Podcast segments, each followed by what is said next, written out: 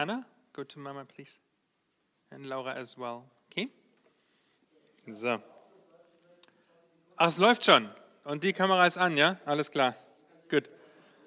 Ich darf einfach loslegen, das ist schön. Warum sollte Gott dich in den Himmel lassen? Ich gebe dir kurz Zeit, diese Frage zu beantworten, darüber nachzudenken, es vielleicht aufzuschreiben auf dem Notizblatt. Warum sollte Gott dich in den Himmel lassen?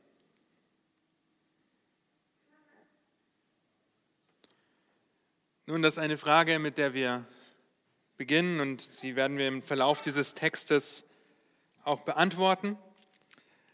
Aber was ist nötig, um den Luftfilter am Auto zu wechseln? Zunächst ein Auto, logisch. Dann ein Luftfilter, auch logisch. Aber wie bekommt man dann das gewechselt, wenn man das noch nie vorher gemacht hat? Nun, das ist eine Frage, die ich mir vor ein paar Wochen gestellt habe, als ich genau das tun musste, einen Luftfilter wechseln. Und wie findet man in der heutigen Zeit heraus, wie das geht? Natürlich mit einem YouTube-Tutorial, einer Beschreibung in bewegten Bildern, welche Schraube man wo lösen muss, um welche Klappe zu öffnen, wo man dann das Teil ersetzt. Und hat man den Dreh raus, dauert es keine fünf Minuten. Also, falls ihr mal einen Luftfilter wechseln müsst, auf YouTube nachschauen. Nun, und Paulus macht etwas Ähnliches, wenn er zu Kapitel 4 kommt. Er gibt uns ein Tutorial, ein eindrucksvolles Beispiel rettenden Glaubens und wendet sich keinem Geringeren zu als Abraham. Paulus wird in Kapitel 4 deutlich machen, wie rettender Glaube aussieht, wie Gott Gerechtigkeit anrechnet und warum uns das staunen lassen sollte. Nun, aber woher kommt Paulus jetzt eigentlich? Es ist die siebte Woche im Römerbrief und wir wollen einen kurzen Rückblick halten. Und weil ich euch so gern habe, machen wir das mit einem Quiz, an dem ihr euch beteiligen dürft. Auf der linken Seite habt ihr die Bibelstellen der Abschnitte, die wir bis jetzt betrachtet haben, und auf der rechten Seite habt ihr die Titel dazu. Und lasst uns versuchen, das zusammenzubringen und ihr werdet sehen, dass es mit den fortschreitenden Antworten einfacher fällt, das Richtige zuzuordnen. Lasst uns beginnen. Kapitel 1, Vers 1 bis 17. Was ist das Thema? Das Evangelium Gottes. Jawohl, wir schauen, ob das richtig ist. Das stimmt natürlich. Römer 1, Vers 18 bis 32.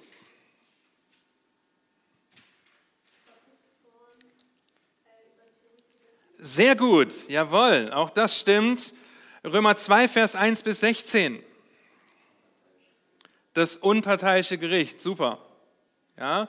Römer 3, Vers 1 bis 20. Es wird leichter mit der Zeit, wie ihr feststellt. Ah, 17 bis 29, 2, 17 bis 29 erstmal, Entschuldigung. Wir haben das unparteiische Gericht gehabt und danach die Heuchelei, jawohl, das Aufdecken religiöser Heuchelei. Römer 3, Vers 1 bis 20.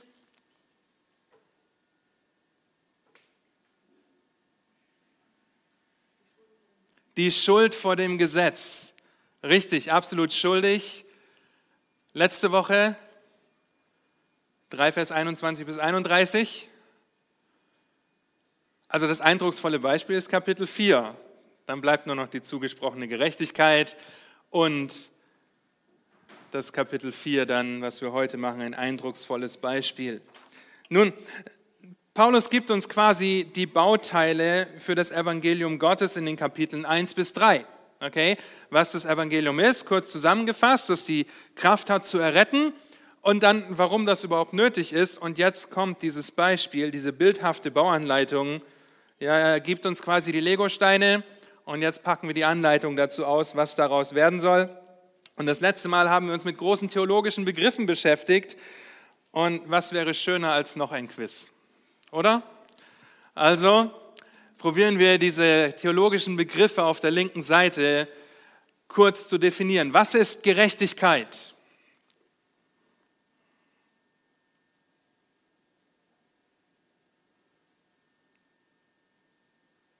Wenn ihr es nicht lesen könnt, müsst ihr in die erste Reihe sitzen.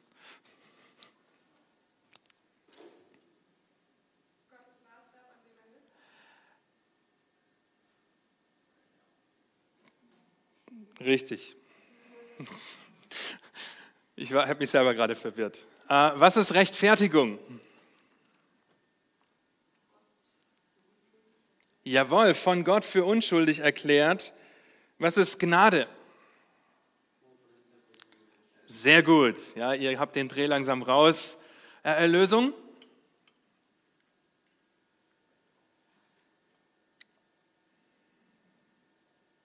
Wenn ihr euch an das Schaubild von letzter Woche erinnert, da waren so, jawohl, Ketten, freikaufen, herausreißen aus der Sünde. Was ist Sühne? Der Zorn Gottes besänftigt. Ich habe es irgendwo leise gehört und glaube dann mit leeren Händen zu vertrauen. Und da werden wir heute noch mehr darüber reden, was es mit diesem rettenden Glauben auf sich hat. Nur mit diesem Rückblick und der Definition wollen wir uns diesem eindrucksvollen Beispiel zuwenden, dass ihr versteht, wo ihr herkommt und natürlich auch ähm, seht, was die großen Themen auch der letzten Woche waren. Und wollen Römer 4 gemeinsam lesen und drei Gründe feststellen, wie wir über den rettenden Glauben staunen können. Und vielleicht entdeckt ihr diese Gründe im Text, den wir lesen gemeinsam, Römer Kapitel 4, die Verse 1 bis 25. Gottes Wort sagt, was wollen wir denn sagen, dass Abraham, unser Vater, nach dem Fleisch erlangt hat? Wenn nämlich Abraham aus Werken gerechtfertigt worden ist, hat er zwar Ruhm, aber nicht vor Gott. Denn was sagt die Schrift? Abraham aber glaubte Gott und es wurde ihm als Gerechtigkeit angerechnet. Wer aber Werke verrichtet, dem wird der Lohn nicht aufgrund von Gnade angerechnet, sondern aufgrund der Verpflichtung. Wer dagegen keine Werke verrichtet, sondern an den glaubt, der den Gottlosen rechtfertigt, dem wird sein Glaube als Gerechtigkeit angerechnet. Ebenso preist auch David den Menschen glückselig, dem Gott ohne Werke Gerechtigkeit anrechnet. Glückselig, das ist Psalm 32, sind die, deren Gesetzlosigkeiten vergeben und deren Sünden zugedeckt sind. Glückselig ist der Mann, dem der Herr die Sünde nicht anrechnet. Gilt nun diese Seligpreisung der Beschnittenen oder auch der Unbeschnittenen? Wir sagen ja, dass Abraham der Glaube als Gerechtigkeit angerechnet worden ist. Wie wurde er ihm nun angerechnet? Als er beschnitten oder als er noch unbeschnitten war? Nicht als er beschnitten, sondern als er noch unbeschnitten war und er empfing das Zeichen der Beschneidung als Siegel der Gerechtigkeit des Glaubens, den er schon im unbeschnittenen Zustand hatte, damit er ein Vater aller unbeschnittenen Gläubigen sei, damit auch ihnen die Gerechtigkeit angerechnet werde.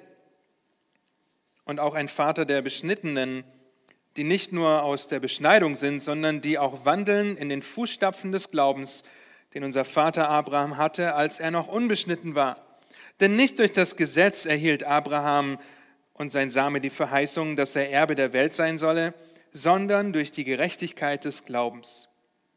Denn wenn die vom Gesetz Erben sind, so ist der Glaube wertlos geworden und die Verheißung unwirksam gemacht. Das Gesetz bewirkt nämlich Zorn. Denn wo kein Gesetz ist, da ist auch keine Übertretung. Darum ist es aus Glauben, damit es aufgrund von Gnade sei, dass die Verheißung dem ganzen Samen sicher sei, nicht nur demjenigen aus dem Gesetz, sondern auch dem aus dem Glauben Abrahams, der unser aller Vater ist. Wie geschrieben steht, ich habe dich zum Vater vieler Völker gemacht. Vor Gott, dem er glaubte, der die Toten lebendig macht und dem ruft, was nicht ist, als wäre es da. Er hat, wo nichts zu hoffen war, auf Hoffnung hin geglaubt, dass er ein Vater vieler Völker werde, gemäß der Zusage, so soll dein Same sein. Und er wurde nicht schwach im Glauben und zog nicht seinen Leib in Betracht, der schon erstorben war, weil er fast hundertjährig war, auch nicht den erstorbenen Mutterleib der Sarah.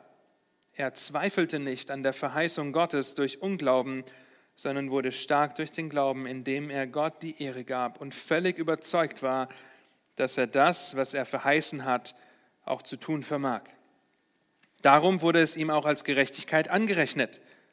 Es steht aber nicht allein um seinetwillen geschrieben, dass es ihm angerechnet worden ist, sondern auch um unseren denen es angerechnet werden soll, wenn wir an den glauben, der unseren Herrn Jesus aus den Toten auferweckt hat, ihn, der um unsere Übertretung willen dahingegeben und unserer Rechtfertigung willen auferweckt worden ist. Bis hierher. Lasst mich beten, bevor wir in diesen Text einsteigen. Treuer Gott und Vater, habt du Dank, dass wir das Vorrecht haben, das Privileg, uns über den rettenden Glauben Abrahams auszutauschen, Gedanken zu machen, darüber nachzudenken. Und ich bete, dass du meine Worte gebrauchst, dass sie mich überführen, dass sie uns überführen, dass du Gnade zum Hören gibst, dass du, wenn jemand das sieht, hier sitzt, der dich nicht kennt, dass du ihn erlöst und er zum rettenden Glauben an dich kommt, Herr. Amen.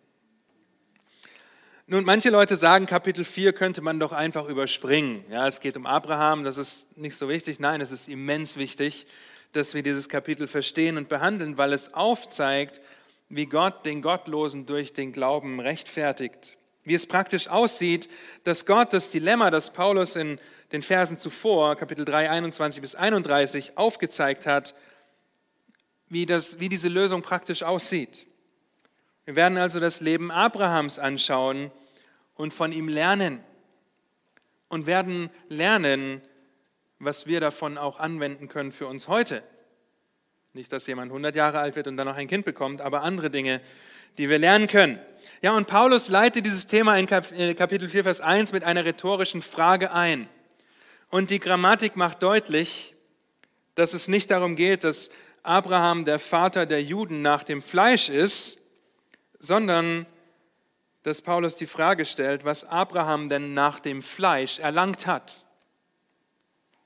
Denn wenn Abrahams Werke, von denen wir an vielen Stellen auch im Neuen Testament lesen, ihn gerecht gemacht hätten, dann wäre es ja Werksgerechtigkeit. Und wenn das so wäre, dann könnte er sich rühmen. Dann könnte er sich darauf, was darauf einbilden, was er alles getan hat und wie toll er ist. Ja, das wäre Werksgerechtigkeit. Aber wenn das so wäre, dann wäre der Ruhm nicht von Gott, wie ihr in Vers 2 lest.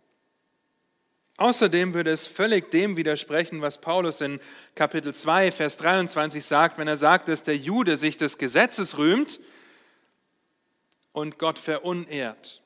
Es würde dem entgegenstehen, was in 3 Vers 10 geschrieben steht, keiner ist gerecht, auch nicht einer. Und dann Vers 12, da ist keiner, der Gutes tut.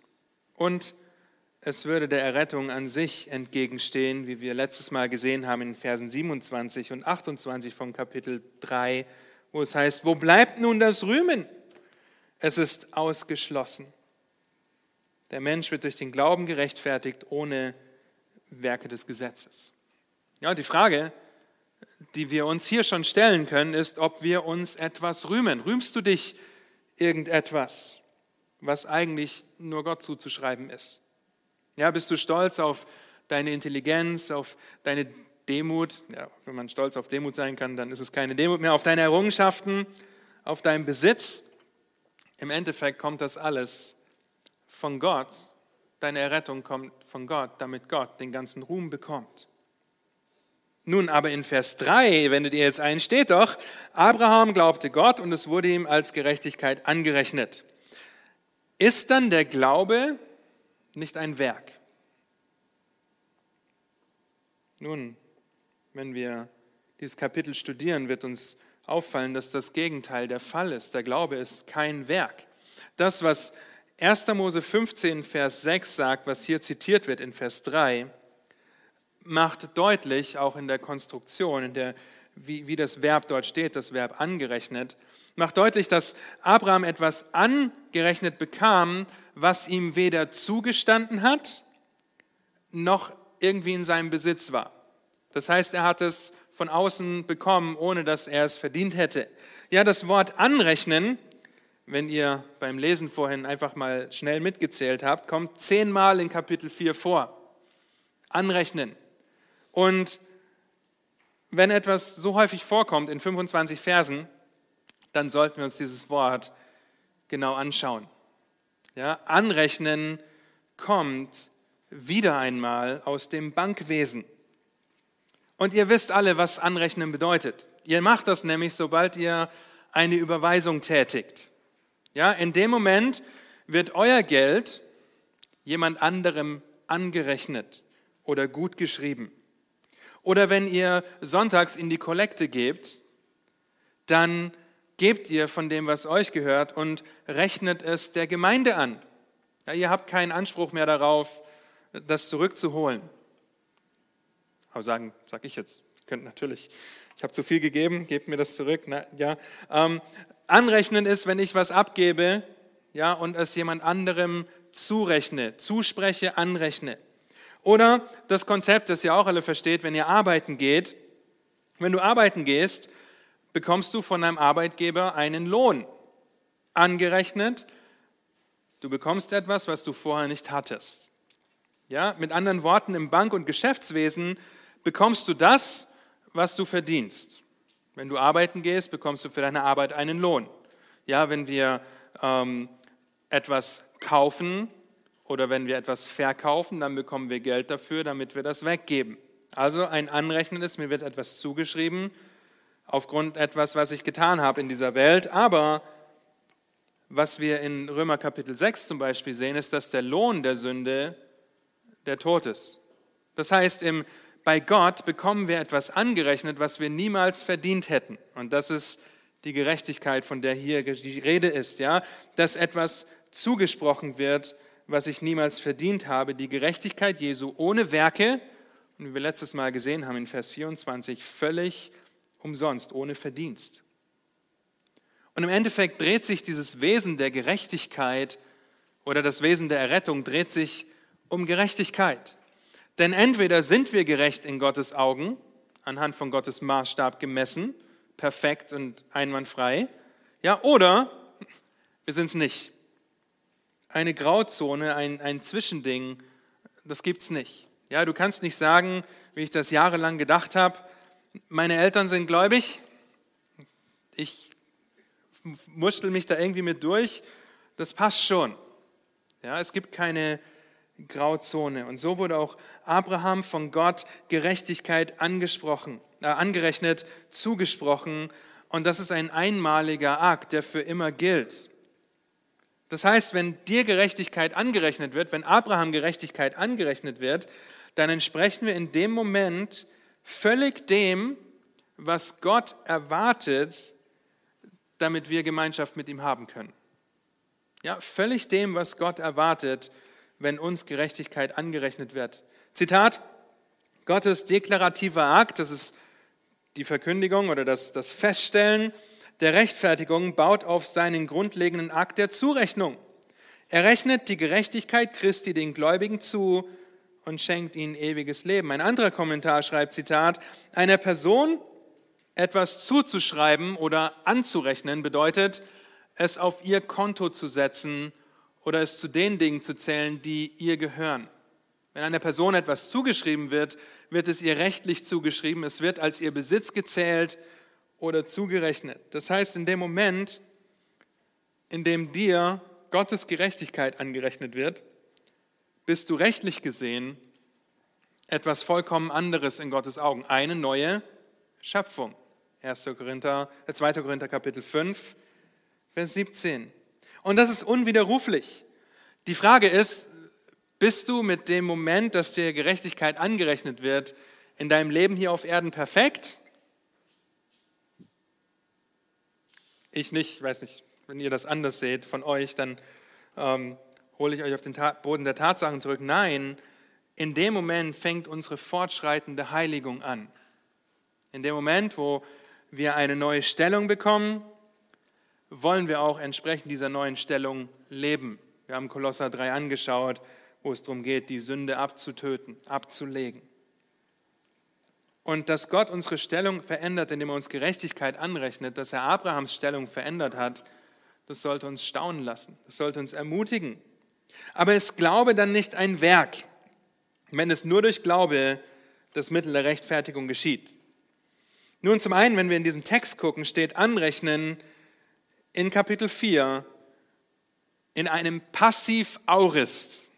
Wer Griechisch hatte, der weiß, dass es sich dabei um ein einmaliges, punktuelles Ereignis in der Vergangenheit handelt. Und passiv heißt, ich habe nichts dazu beigetragen. Okay, ich war passiv in dem Moment, wo ich das bekommen habe. Es wurde mir von außen angerechnet. Und zum anderen sehen wir in den Versen 4 und 5 die Antwort darauf, dass wer Werke verrichtet, dass es nicht mehr aufgrund von Gnade ist. Ja, das heißt, wenn jemand durch Werke seinen Lohn verdienen will, dann bringt das das Gericht mit sich. Ja, und das Gericht ist letztendlich dazu da, den Sünder vor Gott zu verdammen. In Vers 5 sehen wir dann, dass sich der Glaube darauf bezieht, dass wir dem glauben, der rettet, und zwar jeden rettet, der einen Gottlosen oder einen Götzenanbeter rechtfertigt.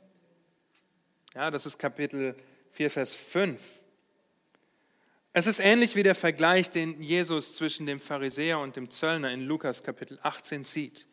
Der Pharisäer, der Gott im Endeffekt mitteilt, und ihr habt hier die zwei Parteien, wie selbstgerecht er ähm, dasteht und wie gut er dasteht und dass Gott im Endeffekt froh sein kann, dass er ihn als den Pharisäer in seinem Team hat.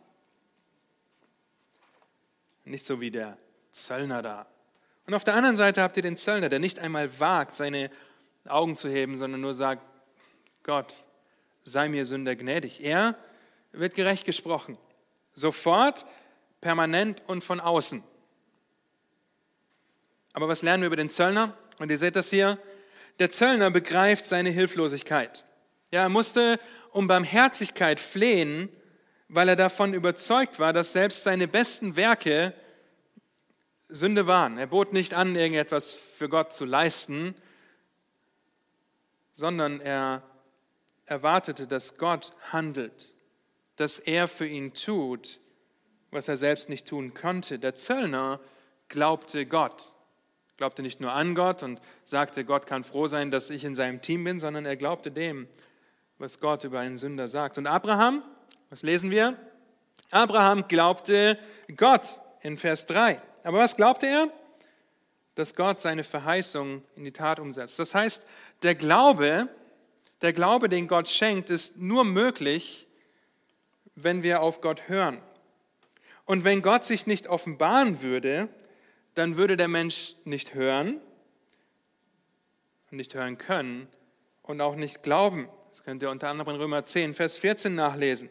Das heißt, Gott hat sich Abraham geoffenbart Abraham erkannte, dass er gottlos war. In dem ganzen Kapitel geht es um Abraham, das heißt auch Vers 5 trifft auf ihn zu, dass er gottlos war, dass seine Werke nichts ausrichten können. Das heißt, der Glaube, von dem hier gesprochen wird, ist das bewusste Anerkennen dessen, dass ich absolut nichts zu meiner Errettung beitragen kann und Gott alles machen muss. Noch einmal ein Zitat. Wenn wir irgendein gutes Werk zu unserer Rettung vollbringen müssten, sei es Taufe, Gemeindemitgliedschaft, Bibellesen, Gebet oder selbst Glaube, dann könnte die daraus resultierende Gerechtigkeit niemals zu Recht eine Gabe genannt werden. Der Empfänger der Errettung wird umsonst gerechtfertigt durch Gottes Gnade. Und eine Gabe kann nur abhängig, kann nur unabhängig von jeglichem Werk geschenkt werden. Die herrliche Konsequenz aus dieser kostbaren Lehre ist, dass die Errettung völlig umsonst ist. Und dann heißt es, mit leeren Händen, können wir das äh, Zitat sehen, Nina? Ist das nicht da? Doch, ja, danke. Ähm, mit leeren Händen, der letzte Satz, mit leeren Händen ergreift der Sünder die Gerechtigkeit Christi aus Glauben allein. Das heißt, ich stehe mit leeren Händen da und sage, das, was du sagst, Gott, das stimmt und ich kann nichts dazu beitragen. Nun, wie hilft uns das dabei zu staunen, wenn wir darüber nachdenken, dass unser Glaube kein Werk ist? Wenn wir aus einem Glauben gerechtfertigt werden, der kein Werk ist, dann hat meine Stellung vor Gott, deine Stellung vor Gott nichts, nicht im Ansatz etwas mit deinem persönlichen Verdienst zu tun. Es ist umsonst. Der Umkehrschluss davon ist, dass wir unsere Rettung nicht verlieren können, weil wir ebenfalls nichts dazu beitragen können, sie zu verlieren. Abrahams Glaube wurde als Gerechtigkeit angerechnet. Und David, David kann Abraham nur zustimmen. Ja, aber warum? Warum bringt Paulus jetzt David ins Spiel? Nun, unter anderem könnt ihr in Matthäus 1, Vers 1 nachlesen, dass Matthäus den Stammbaum von Abraham über David auf Jesus aufzeigt. Aber im Judentum waren die drei größten Personen Abraham, der Vater der Nation, Mose, ja, der Leiter oder manche sagen sogar der Retter der Nation, weil er sie aus Ägypten rausgeführt hat, und David, der edelste König der Nation. Über Abraham, logischerweise geht das ganze Kapitel, über ihn wird gesprochen. David wird herangezogen als Bestätigung. Paulus zitiert Psalm 32 und bestätigt die Argumentation, dass Gerechtigkeit schon seit jeher durch Glauben kommt. Aber was ist mit Mose? Nun, Mose wird gewürdigt, indem Paulus die Geschichte von Abraham aus welchem Buch hat? 1. Mose. Das wer geschrieben hat? Mose. Okay, also alle drei werden gewürdigt, wenngleich der Schwerpunkt hier natürlich auf Abraham liegt. Und jetzt kommt David ins Spiel und kann dem nur zustimmen. Und wenn wir die Verse 7 und 8 sehen, 6 bis 8 sehen, dann sehen wir, dass angerechnete Gerechtigkeit auch bedeutet, dass etwas anderes nicht angerechnet wird. Die Sünden werden zugedeckt und vergeben und die Gesetzlosigkeit auch. Und zugedeckt wird in der Septuaginta, der griechischen Übersetzung des Alten Testaments, zum Beispiel bei der Sintflut gebraucht, wenn alle Berge vom Wasser bedeckt sein sollen, dass nichts mehr von ihnen sichtbar ist. Ja, nur dass wir ein bisschen einen Vergleich davon haben, was, was mit zugedeckt gemeint ist. Davon ist nichts mehr sichtbar, es ist zugedeckt man sieht es nicht mehr. In Vers 8 sehen wir, dass das, was richtigerweise angerechnet werden müsste, nämlich die Sünde, nicht angerechnet wird. Aber wie ist das möglich? Wie ist das möglich? Indem unsere Sünden Christus angerechnet wurden. Ja, und hier wollen wir kurz zurückgehen zu dem, was Christus für uns getan hat, weil ihr müsst den theologischen Gedankengang hier verstehen und die damit verbundene Tragweite. Und deshalb wollen wir uns kurz dem passiven und dem aktiven Gehorsam unseres Herrn zuwenden, um die ersten acht Verse besser zu verstehen. Ihr, ihr seht das hier, das ist klein, ich weiß, ihr findet das auch auf der Homepage oder dann im Manuskript zu der Predigt, im Predigtarchiv. Auf der einen Seite, das ist hier links, haben wir den aktiven Gehorsam Christi.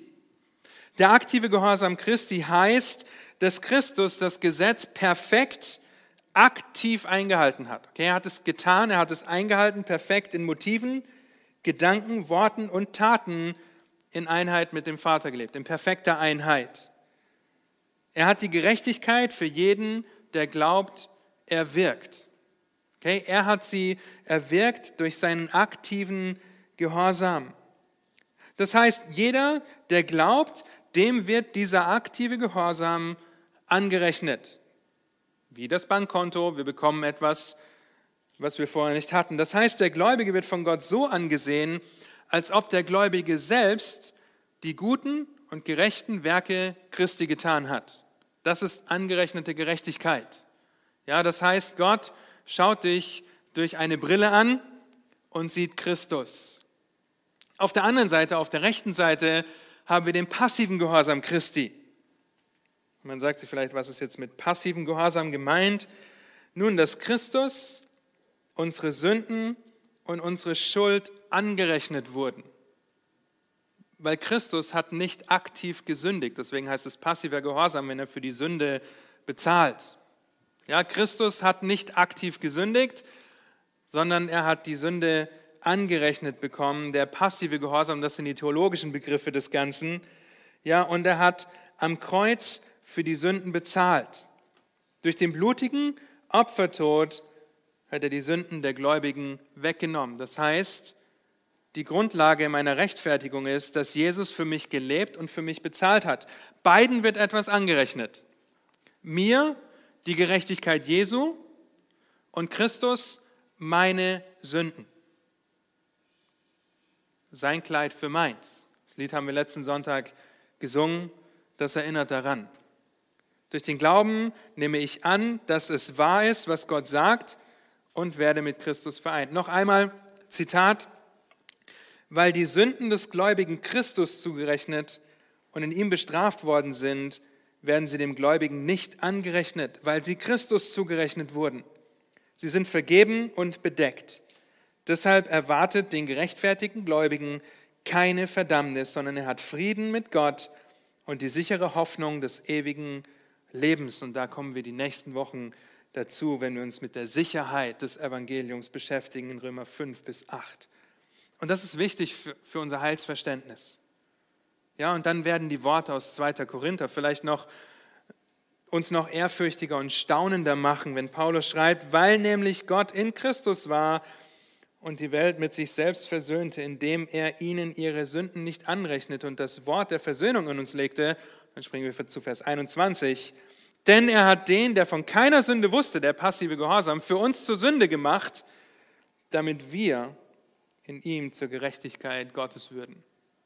Das ist dieser wunderbare Austausch, der stattgefunden hat. Und so kommen wir zurück zu der Frage vom Anfang. Warum sollte Gott dich in den Himmel lassen? Was hast du dir aufgeschrieben? Du musst das jetzt nicht laut sagen. Aber hier gibt es einige Antwortmöglichkeiten, die ich auch in Gesprächen oft höre. Nun, weil ich mein Bestes gegeben habe und ein guter Christ war. Das wäre Erlösung durch Werke. Und Werke sind dazu da, um gerichtet zu werden. Oder eine andere Antwort, weil ich an Gott glaube und versuche, seinen Willen zu tun. Das ist Erlösung durch Glaube plus Werke. Das macht zum Beispiel die katholische Kirche. Und auch viele Christen, die meinen, sich irgendetwas erarbeiten zu müssen. Oder eine andere Antwort, weil ich von ganzem Herzen an Gott glaube.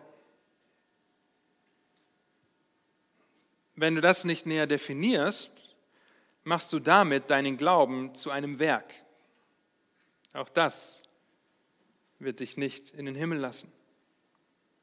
Die Antwort, die wir sehen in Römer Kapitel 1 bis 4 ist, weil ich darauf vertraue, dass Christus alles für mich gemacht hat und ich mit leeren Händen vor ihm stehe und glaube, dass die Kraft des Evangeliums mich erlöst, weil er für mich bezahlt hat. Ich stehe mit leeren Händen da. Ich kann nicht mal glauben. Ich, nur, ich vertraue darauf, dass Christus das tut. Nun, aber was heißt das jetzt im Umkehrschluss für uns? Hören wir einfach auf, gute Werke zu tun? Um es mit Paulus zu sagen, das sei ferne. Ein Christ hört auf, gute Werke hervorzubringen, um gerettet zu werden oder gerettet zu bleiben. Aber er tut Werke, weil er gerettet ist. Ein Christ ist jemand, der absolut darauf vertraut, dass Gott den Weg der Errettung ohne unser Hinzutun bereithält. Und wenn du, wenn ich, wenn wir ein richtiges Verständnis dieser Tatsache haben, dass Christi Gerechtigkeit uns angerechnet und Christus meine Sünden angerechnet wurden, dann können wir auch aufhören, Angst zu haben oder keine Sicherheit zu haben, ob wir gerettet sind oder nicht. Ja, dann können wir uns nichts einbilden auf unsere theologischen Errungenschaften oder auf die Gemeinde, zu der wir gehören. Dann wird deine Empfindlichkeit gegenüber Kritik abnehmen, weil du deine eigene Errungenschaft und deinen eigenen Möglichkeiten sowieso nicht vertraust und weißt, dass du nach wie vor sündigst und die Geschwister brauchst, die dich darauf hinweisen. Deine Sünde kann dich nämlich nicht mehr verurteilen, weil es keine Verdammnis mehr für die gibt, die in Christus sind. Römer 8, Vers 1. Nun, das ist die Grundlage für den Rest des Kapitels und ich habe, naja, ich gucke nicht auf die Uhr.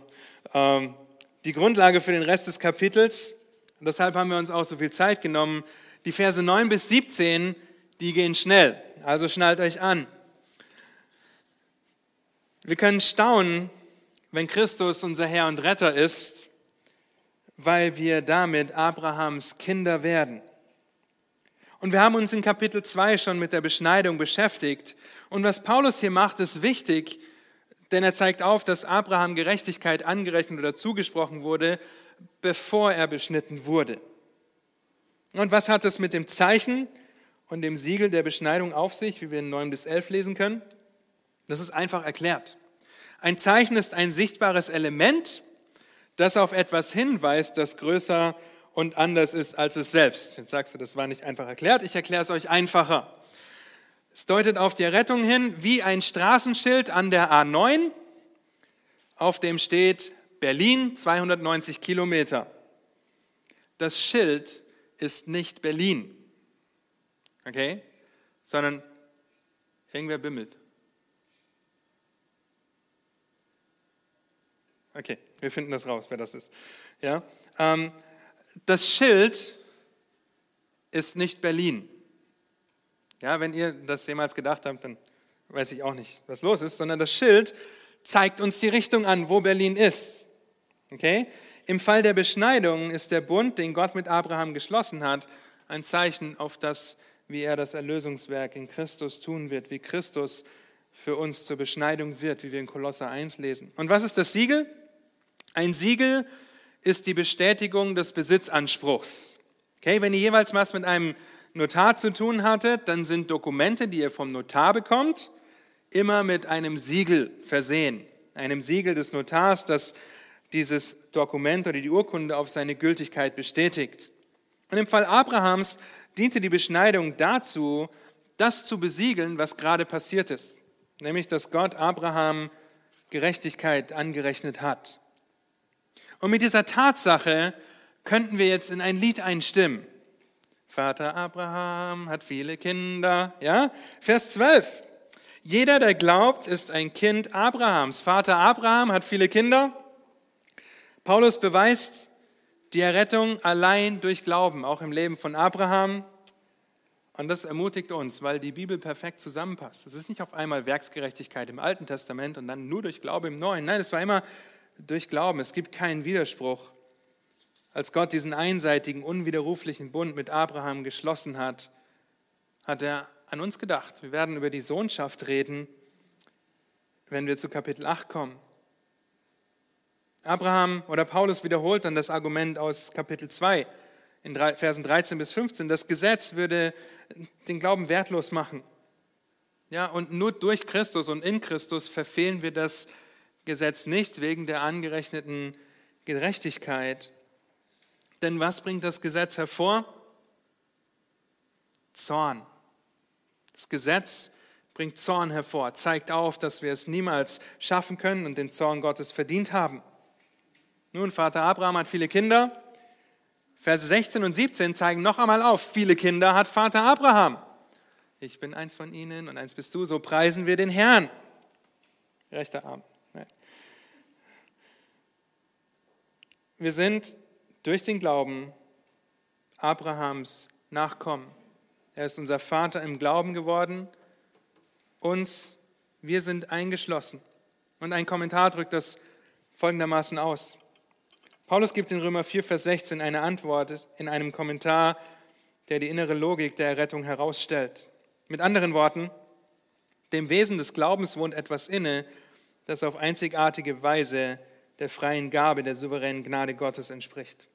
Glaube ist nicht die Grundlage unserer Gerechtigkeit, sondern ist vielmehr etwas, das von sich selbst wegblickt und die freien Gaben des Himmels als das empfängt, was sie sind, reine und unverdiente Gunst. Der Glaube ist alles andere als nur die Währung, mit der wir unsere Rettung von Gott erwerben. Er ist auf einzigartige Weise passend für die Gnade, weil er nichts weiter ist als der ausgestreckte Arm und die leere Hand, die sagt, ich habe nichts, ich bin bankrott im Blick auf jegliche geistliche Hilfsquelle oder Fähigkeiten. Herr, empfange deine Gabe der Errettung in Christus. Wenn wir Vers 17 lesen, dann denken wir an Epheser Kapitel 2, Vers 1 bis 5, wo Paulus deutlich macht, dass Gott auch uns, die wir tot waren in unseren Übertretungen, mit dem Christus lebendig gemacht hat. Christus ist der verheißene Same Abrahams, deshalb ist dieses Lied auch biblisch korrekt. Nun Gerechtigkeit. Gerechtigkeit durch Glauben wird sie angerechnet und das sollte Auswirkungen haben. Das sollte Auswirkungen haben im Leben von Abraham und hoffentlich in deinem und meinem Leben. Rettender Glaube, der Fokus des rettenden Glaubens ist die Ehre Gottes. Verse 18 bis 25 geben uns Einblick in die Auswirkungen von Abrahams Glauben und wir können so viel davon lernen. Die Prinzipien, die in diesem Text über die Auswirkungen gelehrt werden, die können wir anwenden, auch auf uns. Abraham hat nicht zugelassen, dass seine Umstände seine Reaktion bestimmen. Vers 18 und 19. Wenn du auf deine Umstände blickst, deinen Umständen glaubst, wirst du schnell hoffnungslos, weil sie dir vielleicht nicht passen, weil sie vielleicht herausfordernd sind. Du wirst hoffnungslos. Abraham hat Gott geglaubt. Das, was Gott gesagt hat, beim Wort genommen und nicht auf seine 100 Jahre und die 99 Jahre seiner Frau geschaut. Er hatte Hoffnung, weil er wusste, dass das, was Gott sagt, wahr ist. Er verlässt sich nicht auf seinen Verstand und seine Logik. Ja, es heißt sogar im Text, der Leib war schon erstorben. Das heißt rein menschlich und verstandstechnisch gesehen unmöglich, ein Kind zu bekommen. Aber er schaut nicht auf seine Umstände und reagiert nicht aufgrund seiner Umstände. Väter, es sind nicht so viele Väter hier heute, wenn ihr den Livestream schaut, Väter, worauf schaut ihr nach einem anstrengenden Tag? Lasst ihr es zu, dass die Umstände dich davon abhalten, deine Verantwortung als Hirte der Familie wahrzunehmen? Worauf schaust du in jedem Fall, wenn es dir schlecht geht? Auf die Umstände? Das wird schnell zu Frustration und Hoffnungslosigkeit führen, weil es nicht immer so läuft, wie du es willst. Mach es wie Abraham und lass nicht zu, dass deine Umstände deine Reaktion bestimmen. Zweitens lernen wir, dass Abraham nicht an der Verheißung zweifelte. Vielmehr wurde er gestärkt. In 1. Mose 15 lesen wir von der Begegnung mit Gott. Okay, die Verheißung geht an Abraham und Abraham vertraut auf dieses Wort. In Hebräer 11 lesen wir davon, dass Abraham bereit gewesen wäre, seinen Sohn zu opfern, weil er so sehr davon überzeugt war, dass Gottes Wort wahr ist und dass Gott seinen Sohn wieder aus den Toten auferwecken könnte und würde. Abraham vertraute Gottes Wort. Worauf vertraust du? Wenn dein Handeln, dein Denken, dein Sprechen davon abhängig ist, was in deinem Herzen ist, worauf vertraust du? Was kommt raus aus deinem Herzen? Was sagen deine Gesprächsthemen über deine Vertrauensquelle aus? Haus, Auto, Garten, Technik, Sport? Oder das, was du in der vergangenen Woche über Gott gelernt hast und wo du durch Gottes Wort ermutigt und herausgefordert bist. Was bestimmt deine Gesprächsthemen? Wovon das Herz voll ist, davon redet der Mund. Männer, Männer, guckt mich an. Was sagt euer Verhalten zu Hause über die Quelle eures Vertrauens aus? Vor allem, wenn ihr Familie habt. Ist es, ihr kommt nach Hause, ich will meine Ruhe, ich will meinen Rückzug, ich will meinen Fernseher, Netflix oder Co. Oder schaue ich, dass ich Gemeindeveranstaltungen besuche am Abend, mittwochs zum Beispiel? Oder setze ich mich hin mache Familienandacht, mache stille Zeit oder lese ein Buch, rede mit meiner Frau nach einem harten Tag. Frauen, jetzt seid ihr dran. Ja? Oder und Mütter. Erst die Mütter. Was sagt euer Umgangston mit euren Kindern über eure Vertrauensquelle aus? Oder was sagen die Gespräche mit Arbeitskollegen über eure Vertrauensquelle aus? Seid ihr liebevoll, geduldig und evangelisierend? Oder seid ihr harsch, lieblos und tratschend? Kinder, ich habe euch nicht vergessen. Was sagt euer Gehorsam gegenüber euren Eltern über eure Vertrauensquelle aus, wem ihr vertraut? Ich rebelliere, weil ich es besser weiß als meine Eltern, was gut für mich ist. Ich steckte da drin. Oder klammert ihr euch in die Verheißung der Schrift, die sagt, Ehre Vater und Mutter, auf dass du lange lebst? Die falschen Vertrauensquellen, der falsche Glaube an die falsche Wahrheit wird früher oder später zu Zweifeln an Gott führen. Abraham zweifelte nicht, weil er der Verheißung geglaubt hat, auf Gottes Wort vertraut hat. Und wenn du an Gott zweifelst, dann zweifle nicht an Gott. Zweifle an deinen Zweifeln. Weil das hier ist die Wahrheit. Vertraue Gottes Wort. Das ist die einzige zuverlässige und vertrauenswürdige Quelle der Wahrheit. Mach es wie Abraham. Vertraue Gottes Verheißung. Abraham macht seine Reaktion nicht von den hoffnungslosen Umständen abhängig. Er zweifelt nicht an dem, was Gott sagt. Damit geht die feste Überzeugung einher, dass Gott das tut, was er verheißt. Gott ist nichts unmöglich. Wenn Gott sagt, sorgt euch um nichts, sondern lasst eure Anliegen vor ihm kund werden, dann wird der Friede Gottes, der allen Verstand übersteigt, eure Herzen und Gedanken bewahren in Christus, dann kann Gott das. Dann wird er das tun. Vertraue darauf, dass Gott hält, was er in seinem Wort verspricht. Wenn er sagt, dass uns keine Prüfung überfordern wird, in 1. Korinther 1, Vers 13, 10, Vers 13, dass uns nichts überfordern wird, dass sie menschlich ist und dass Gott treu ist und den Ausgang geschaffen hat, dann vertraue ihm darauf. Vertraue darauf zum Beispiel, wenn du dir schwer tust, morgens eine halbe Stunde früher aufzustehen, um Gottes Wort zu lesen und dadurch gestärkt zu werden. Vertraue darauf, dass Gott das segnen wird und dass Gott dir den Schlaf gibt in der Nacht, den du brauchst. Wenn Gott sagt, dass die Gemeinde dazu da ist, einander zu tragen, zu ermutigen, zu ermahnen, anzuspornen, zu trösten, zu lieben und sich miteinander zu freuen, miteinander zu trauern, dann vertraue darauf, dass die Gemeinde dazu in der Lage ist und entziehe dich nicht der geistlichen Gemeinschaft, indem du zum Beispiel durch Abwesenheit glänzt. Mach es wie Abraham. Vertraue Gottes Fähigkeiten. Vertraue darauf, dass er es gut meint. Und das ist das Beste, was dir passieren kann. Das wird Gott die Ehre geben. Ich habe noch zwei Seiten.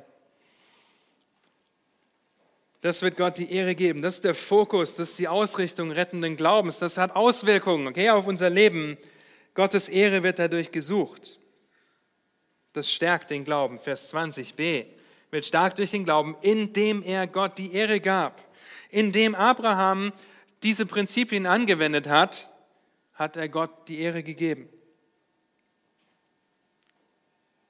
Zum einen gibt es Gott die Ehre, dem, der die Gerechtigkeit angerechnet hat. Zum anderen wird es uns stärken, wenn wir uns an Gott und seine Verheißungen klammern.